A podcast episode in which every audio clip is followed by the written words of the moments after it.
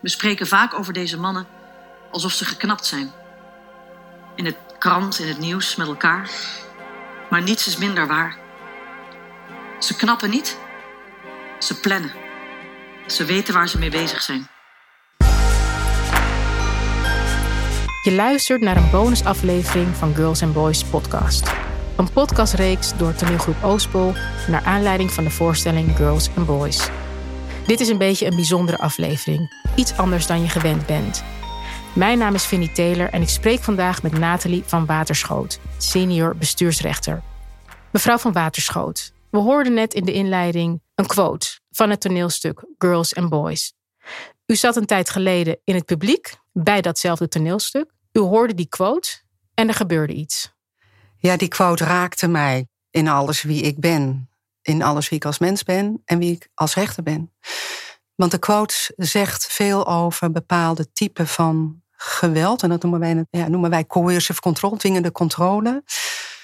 Dat als daarvan sprake is en je doet goed onderzoek daarnaar, dat je daar achter kan komen wat daar plaatsvindt. Maar om te beginnen, coercive control. Wat betekent dat precies? De letterlijke vertaling in het Nederlands is dwingende controle of intieme terreur. En een definitie daarvan zou de volgende zijn: dat een iemand wil een ander psychisch schade berokkenen. Eigenlijk breken. En dat betreft een patroon van gedrag van iemand. Dat alles bij elkaar leidt. Hè? Dus dat is niet één gedraging, niet één handeling. Het is vaak een patroon van verschillende gedragingen en handelingen. Die leidt tot de conclusie: oké, hier is sprake van dwingende controle. En als ik mag nog, dat zijn vaak vijf gedragingen aangegeven als je daar onderzoek naar doet. Dat is bijvoorbeeld dat de ander de een eh, financieel geweld wil toebrengen. Het is vaak intimiderend gedrag, manipulerend gedrag. Gaslighting is ook vaak aan de orde. Wat is gaslighting precies? Gaslighting is dat je de ander in een kwaad daglicht plaatst of stelt, zonder dat die persoon dat in de gaten heeft wat daar gebeurt. En dan ook de vernedering, het vernederd worden. Ja, dus coercive control bestaat uit vijf onderdelen. Um, u zat in, de, in het publiek, u bent zelf rechter. Ik weet ook dat u toen contact heeft opgenomen met de regisseur. Het is niet alleen maar op een professioneel vlak, maar u heeft er persoonlijk ook mee te maken gehad. En dat was vooral de reden waarom het bij u triggerde. U hoeft niet alles uit te leggen, maar wilt u in het kort iets daarover vertellen? Het is al even belangrijk. In het toneelstuk gaat het ook om een relatie. Hè? Dat, dat gaat niet goed. En daar komt ook één partner in voor die dwingende controle uitoefent, uitoefent op de ander. Ja. Kijk, ik heb het toneelstuk vorig jaar november, meen ik, in Amsterdam gezien. En dan is het misschien wel goed om aan te geven dat wanneer er sprake is van dwingende controle, er vaak door wetenschappers acht fases oh ja. worden beschreven in de ernst daarvan. Ja. Kijk, het gedrag, de vijf mogelijkheden van gedragingen gaf ik er net aan, maar de ernst van de situatie, daar is een soort glijdende schaal van fases, 1 tot en met 8. En 8 is dan dat een, vaak een vrouw, zeggen wetenschappers, uh, wordt vermoord door een belager die al lang haar stolkt, of een, een, een partner of een ex-partner. Ja, je hebt fase 1 en dan de laatste fase is dan die de dat geweld, de geweldpleging. Die tot moord leidt. Ja. Ja. Maar de fases daarvoor zijn ook ernstig. En kunt u die in het kort uitleggen? Die fases? Uh, ja, dat doe ik dan graag aan de hand van, van wetenschappelijke literatuur, want daar is al heel veel over geschreven. Uh, een wetenschappelijke studie die in Amerika is gedaan. En dat boek heet In Control: Dangerous Relationships and How They End in Murder. En dat is geschreven door Jane Mockton Smith. En zij is heeft bij de politie gewerkt en heeft uiteindelijk veel onderzoek daarna gedaan. En zij beschrijft ook die acht fases. Ja. En de eerste fase is dat iemand al een geschiedenis heeft van control en stalking. De tweede is dat iemand de andere persoon aan zich probeert te binden. Dan komt stage drie, dat die persoon, als die eenmaal die binding tot stand komt, uh, dat de ene persoon die ander probeert te controleren. Dus dan krijg je veel te maken met intimidatiegedrag en manipulatie. Stage vier is de trigger. Dus er gebeurt ergens iets in een relatie, of wanneer er sprake is al van ex-partner relatie of uh, in andere situaties, is er ergens een trigger bij die persoon die, dat, die werkelijk gewelddadiger begint te worden. Dat kan bijvoorbeeld de afwijzing zijn. Zoals in mijn situatie. Eh, ik ben uiteindelijk van hem gescheiden. En dat was, dat was de trigger. Dat was voor hem een trigger om naar die volgende fases te gaan. Laat ik het dan maar zo zeggen. Zo zeiden ook eh, de onderzoekers het. Um, dan krijg je de escalatie. Fase 5. Dat is fase 5. Fase 6 is een verandering in het denkproces. Dus waar iemand. Van de geweldpleger? Van de geweldpleger. Dus je krijgt heel duidelijk, als je daar goed onderzoek naar doet, is duidelijk te zien dat iemand in plaats van iemand op te hemelen, uh, krijg je een verandering in dat denkproces, waardoor iemand ook akelig wordt in zijn reacties of haar reacties. Dan krijg je de zevende fase, dat is de planningsfase, noemen ze dat in dit boek. Eh, dat iemand zich terugtrekt en gaat nadenken: hoe kan ik die persoon die mij kwaad heeft gedaan, maar dat zit natuurlijk in het hoofd van de geweldpleger. Dat is vaak niet werkelijk zo gegaan. Um, krijg je de planningsfase en dan komt uh, fase 8, dat die planningsfase zich kan uitmonden in in het vermoorden van de ander. Of ook in andere vormen van geweld. Uh, er wordt er fysiek iets gedaan. Fysiek, maar dat kan ook psychisch geweld blijven. Hè? Dat iemand voortdurend blijft stolken. Uh, en dat als het systeem daar geen antwoord op heeft, of dat onderzoek niet doet, dat daar, dat daar van sprake is en dat geweld niet stopt, dan blijft dat geweld, dat uh, psychisch geweld, voortduren. Ja. Dus het hoeft niet altijd te eindigen in moord. Maar ook al eindigt het niet in moord, is de schade voor uh, de ander die daar slachtoffer van is, van voortdurend psychisch geweld en voortdurende gaslighting. En ook voor de kinderen die daarmee te maken hebben, uh, een ongoing proces. Ja. U gaf zelf aan dat u persoonlijk betrokken bent bij dit onderwerp. Als we dan even een hele directe vraag stellen. U heeft net die acht fases genoemd. Tot welke fase van dwingende controle heeft u te maken gehad? Ik zit nog steeds uh, tussen uh, fase 7 en fase 8. Uh, en die fases zijn natuurlijk ook weer heel theoretisch. Ik ben in 2008 gescheiden. En daarna, als je dan naar het dossier kijkt en je doet goed feitenonderzoek, zie je dat er een planningsfase is geweest van drie jaar na de scheiding. Waarin er wel al problemen in de omgang bij hem plaats hadden. Met zijn kinderen, met onze kinderen. En hij is toen gaan procederen en daar heeft hij zes jaar is hij daarmee mee bezig geweest. En eigenlijk die, die andere vijf, hè, die gedragingen die ik net noemde, dat je de ander financieel wil uh, schade berokkenen, het intimiderend en manipulerend gedrag, de gaslighting, de ander willen vernederen, dat gebeurt eigenlijk nog steeds. Je zit eigenlijk nu letterlijk in fase 7? Al veertien jaar. Kijk, de landelijke politie heeft bij ons ook onderzoek gedaan in ons dossier. En daar ga ik ook niet meer over zwijgen. Ik heb vorig jaar natuurlijk het publieke debat al gezocht hierover. Ja, want u gaf aan, u heeft het publieke debat gezocht toen u kinderen allebei meerderjarig werden, toch? Ja, dat is heel belangrijk om even te noemen. En uit dat systeem van familierecht en jeugdbeschermingsrecht kwam in Nederland... wat volstrekt niet is toegesneden op deze situaties... en waar je daarom ook met je gezin geen hulp krijgt en geen bescherming krijgt tegen dit soort ernstig, ernstig gedrag. Om nog even samen te vatten, want we krijgen heel veel informatie. U zat in het publiek, u hoorde iets in dat toneelstuk waarvan u dacht: dit, dit linkt aan het onderwerp waar ik me al heel lang hard voor maak. Ja, dat was ook de reden waarom ik naar het toneelstuk ging. Ja. En ik had al de toneeltekst gelezen in het Engels van Dennis Kelly en zijn introductie daarbij. En omdat ik zelf slachtoffer ben van dwingende controle, wat ook al door de landelijke politie bevestigd is geworden in mijn zaak in 2016, had ik er vanaf 2016 heel veel over gelezen.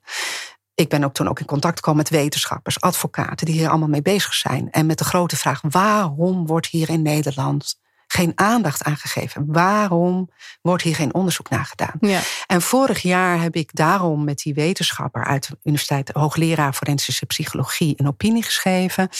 En daar kwam weinig respons op. En toen heb ik een interview gegeven vorig jaar. En daar heb ik enorm veel reacties op gehad. Op LinkedIn heb ik dat gedeeld. En ik dacht, dit heeft inderdaad veel aandacht nodig. Ja. En toen zag ik ineens na de zomer theatergroep Oostpol. Met het toneelstuk van Dennis Kelly, Girls and Boys. En ik dacht, daar wil ik naartoe. Want dat is wat nu zichtbaar wordt ook op toneel, hoe ernstig dit onderwerp is. En ik vind theater, ik hou van theater, ik lees veel theaterstukken. En dan, uh, ik vind theater ook een vorm waar je dit in voelbaar kan maken. Ja. En toen ik er naartoe ging, las ik ook op de site van Oostpol dat de regisseur Daria Bukvic heeft aangegeven dat dit stuk haar uit het hart is gegrepen en dat ze het meest urgente toneelstuk vindt wat in de laatste jaren geschreven is. En ik ben het helemaal met haar eens. Want ook in Nederland wordt om de acht dagen een vrouw vermoord door een partner of een ex-partner of iemand vanuit die, wat we in Nederland dan een beetje eufemistisch zeggen, de relationele sfeer. Ja. En als ik dat dan ook nog maar zeggen, er wordt vaak gezegd van ja, dat, hoe kunnen we dit weten? En daarom ben ik eigenlijk wel blij dat u de podcast begon met dat belangrijke zinnetje uit het toneelstuk. Ja. En vaak wordt gezegd van ja, daar kunnen we geen onderzoek naar doen. Of we kunnen daar geen deugdelijk feitenonderzoek naar doen. Maar dat is, dat is niet waar. Ja. Dat is echt onzin. En dat zeggen wetenschappers al heel lang. Want het is niet zomaar iets wat gebeurt in veel gevallen. Ze plannen. Ze knappen niet. Ze plannen. Ze weten waar ze mee bezig zijn. Ze denken er goed over na.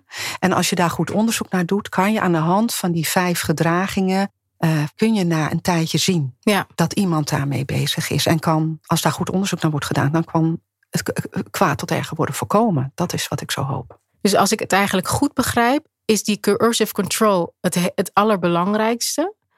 En het feit dat die persoon dat doet en dat dat niet wordt onderzocht tijdens het verloop van een scheiding, maakt dat die persoon daarmee door kan gaan. Precies. En wat u zegt, u zegt verloop van een scheiding.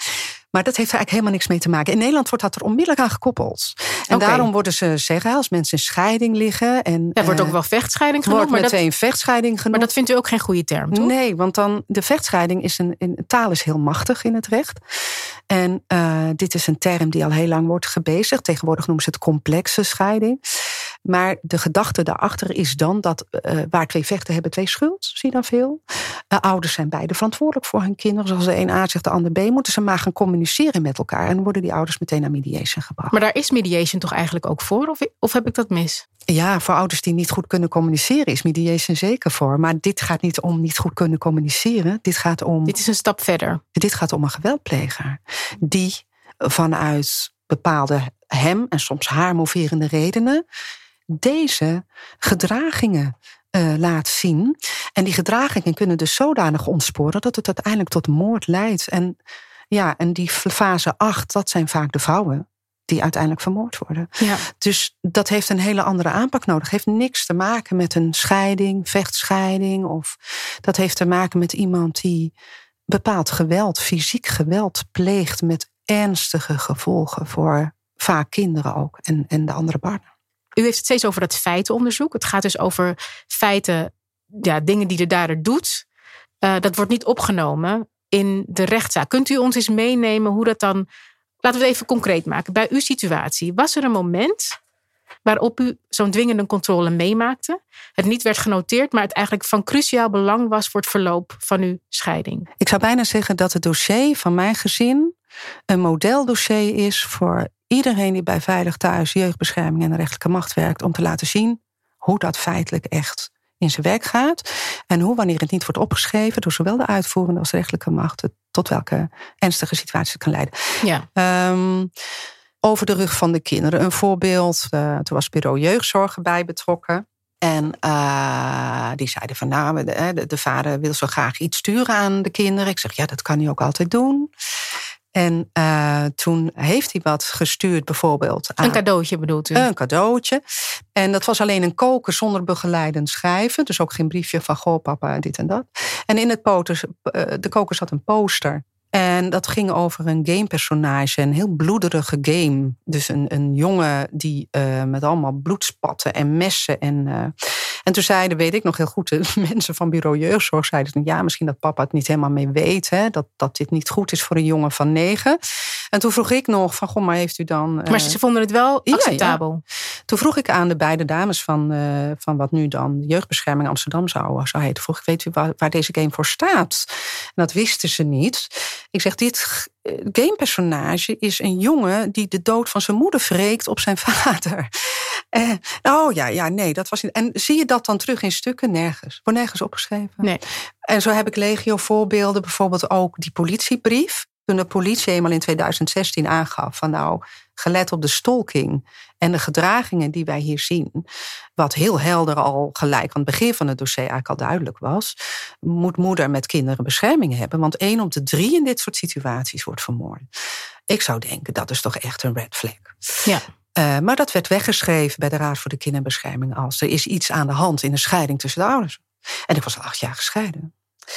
Dus als je dan kijkt naar die fases. De planningsfase was al lang geweest van hem. Dan zat ik al lang tussen fase 7 en 8. Maar in het familierecht werd daardoor geen enkele instantie, veilig thuis niet, politie niet, jeugdbescherming niet, rechters niet. Um, het belang van het onderkennen van deze situatie is dus dat je er wel feitonderzoek naar kan doen. Je kunt er heel goed onderzoek naar doen.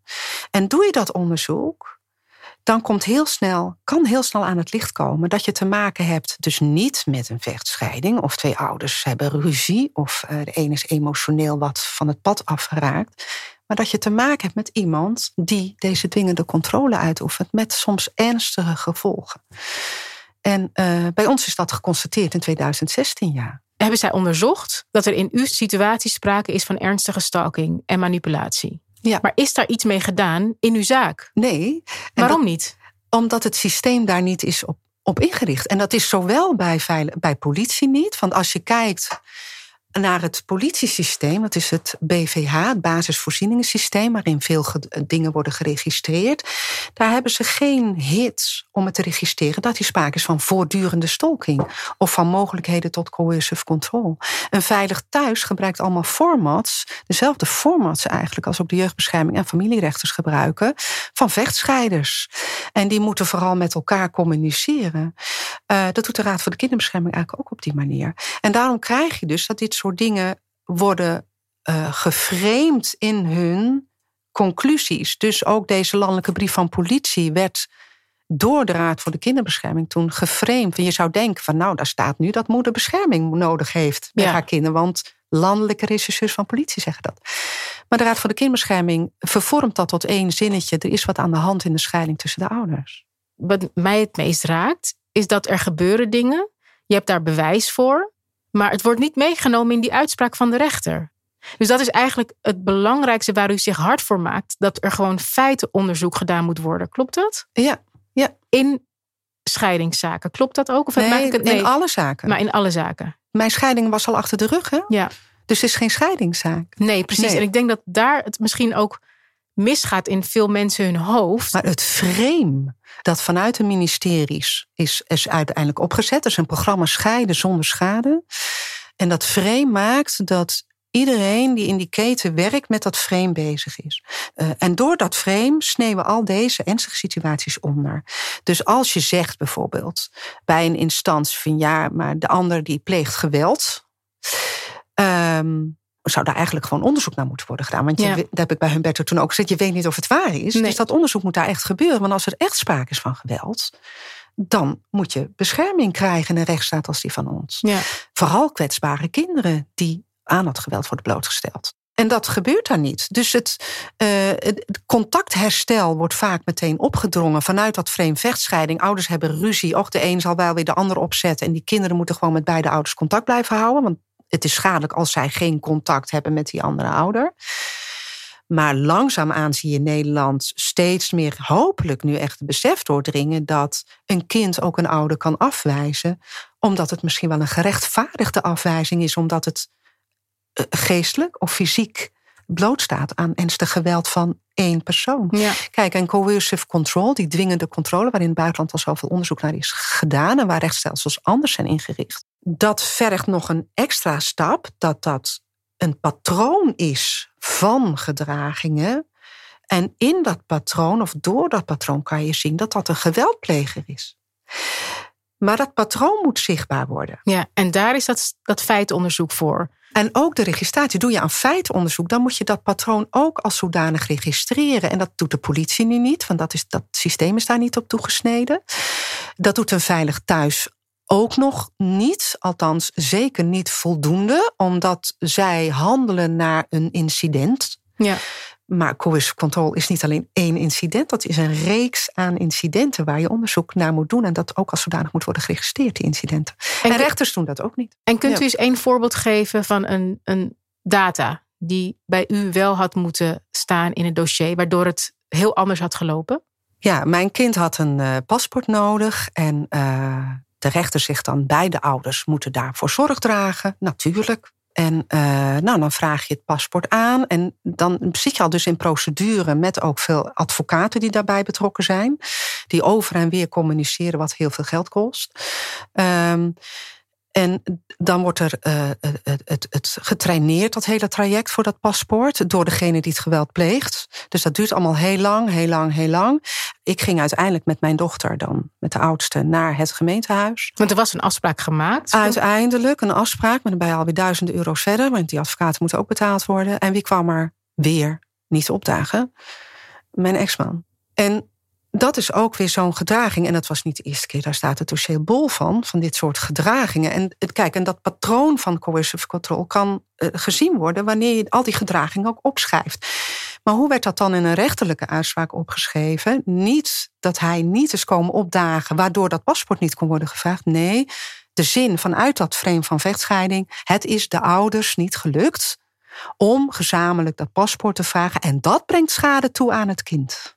Hmm. En zo wordt dat de hele tijd en dat zijn vervormd. Dat zijn eigenlijk al die incidenten los van elkaar. En die hadden eigenlijk wel in het dossier moeten staan. Want dan was er naar boven gekomen dat hij eigenlijk het hele proces frustreerde. Dat hij u manipuleerde en stalkte. Exact. Wat was er dan anders gegaan, denkt u, in uw situatie? Uh, bij dit soort begin van stalking, wat bij mij eigenlijk dan drie jaar na de, na de scheiding echt begon. Toen was zijn planningsfase voorbij en toen begon hij.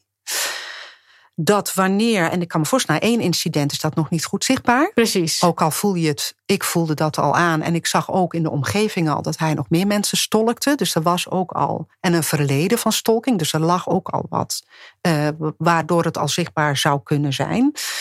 En na een half jaar was heel duidelijk zichtbaar wat er gaande is. Je zag al zijn leugens, eh, de wijze waarop hij het familierecht gebruikt zonder met feiten te komen, maar wel de ander mij dus in dat negatief daglicht zegt. Waar geen reden voor was, omdat ook al een huisarts daarbij betrokken werd, die ook zei dat is niet, uh, is niet aan de hand. Um, maar ook bijvoorbeeld, uh, wij zijn bij een punt B geweest, een hulpverleningsinstantie die ook, waar we een paar gesprekken hadden gehad. En hij is daarmee gestopt. En toen ging hij weer procederen. En dat verslag van punt P werd niet door hem vrijgegeven. Ik wilde heel graag dat de rechter dat verslag zou zien. Ik, ik weet er eigenlijk heel weinig van af, maar ik kan me toch voorstellen als jij iets inbrengt in een rechtszaak, dat een rechter toch denkt: ik ga even kijken of het klopt? Hele goede vraag. Maar het familierecht werkt anders. Ja. Dus, dus dat patroon komt niet naar boven van dat, stalking. Van die en, stalking. En dat is waarom ik er zo dacht: ik ben als mens heb ik het meegemaakt en de, en de gevolgen ook voor mijn kinderen zijn heel ernstig en nog steeds. Dus de gevolgen voor u zijn ernstig, maar ik kan me ook voorstellen voor al die andere mensen die het meemaken. Exact. U zit nu hier tegenover mij. U heeft bedacht, ik wil hier iets aan doen. Wat gaat u eraan doen? Wat moet er veranderd worden? Nou, dat heb ik dus vorig jaar al in gang gezet. Toen mijn jongste 18 werd, dacht ik, ik voel als rechter de verantwoordelijkheid. Ik zit in dat systeem als rechter, niet in het familierecht. Ik ben een bestuursrechter. Maar ik zie vind ik, dat is mijn mening, op persoonlijke titel, dat het ernstig misgaat in het familierecht. En ik vind het mijn plicht en verantwoordelijkheid om dat te zeggen. En dat zit vooral in het niet doen van feitenonderzoek. Wat u wil dat er gaat gebeuren, is dat het feitenonderzoek verplicht wordt in het familierecht. Nou, het staat in de wet. Dus overheidsorganen houden zich gewoon niet aan die wettelijke verplichting. In de jeugdwet staat ook dat dat moet worden verricht. Ja. Uh, maar dat betekent dat we in Nederland eerst van dat vreselijke frame af moeten van vechtscheiders en relationele situaties en allemaal schijnbaar neutrale termen die in dit soort situaties helemaal niet neutraal zijn wanneer er echt sprake is van geweld. En um, in het buitenland zijn er legio voorbeelden hoe het wel kan, hoe dat anders wordt aangepakt in een rechtssysteem. En hier in Nederland, ja, dan citeer ik een advocaat die daar ook veel mee bezig is. Zegt ja, Nederland loopt 15 jaar achter, zegt zij. Ja. Uh, en ik wil gewoon mijn stem laten horen omdat dit, vind ik, ook vanuit mijn functie belangrijk is. Want als mensen in dit systeem komen, wil je toch met z'n allen voorkomen dat je ergens in die fases 1 ja. tot 8 belandt. Ja. Ik wil in ieder geval hartelijk bedanken voor het verhaal, voor de openheid en ook dat u zich hiervoor hard maakt. Tot slot nog één ding. Als er over zoiets belangrijks wordt gesproken in de media als um, geweldpleging en dergelijke, we spreken erover. Er zijn altijd mensen die zich herkennen, die wat vragen hebben. Normaal wordt er dan gezegd: heb je vragen, dan kun je contact opnemen hiermee. Maar in dit geval zou dat dan zijn jeugdzorg of de kinderbescherming. Maar u heeft net kritiek geuit op die twee instanties. Dus ik kan me voorstellen dat u misschien niet dat advies zou geven. Als er nu mensen zijn die denken: ik wil hier iets mee, ik herken mijzelf erin, waar moeten ze naartoe? Met wie moeten ze contact opnemen? Ja, ik ben heel blij dat u mij dat, die vraag stelt. En uh, ik zou deze mensen aanraden: bel Veilig Thuis Rotterdam. In Rotterdam. Specifiek Rotterdam? Echt Rotterdam. Ik heb ook met Veilig Thuis Rotterdam vorig jaar gesproken. En zij erkennen en onderkennen dit fenomeen van coercive control. Zijn daar ook mee bezig en weten hoe belangrijk het is om dit systeem ook te veranderen op dit onderdeel. Hartelijk dank voor het gesprek. We spreken vaak over deze mannen alsof ze geknapt zijn. Maar niets is minder waar. Ze knappen niet, ze plannen. Ze weten waar ze mee bezig zijn. Je luisterde naar een bonusaflevering van Girls and Boys podcast met Nathalie van Waterschoot. Mijn naam is Vinnie Taylor en wil je meer informatie over de voorstelling of over het onderwerp? Ga dan naar www.toneelgroepoostpol.nl.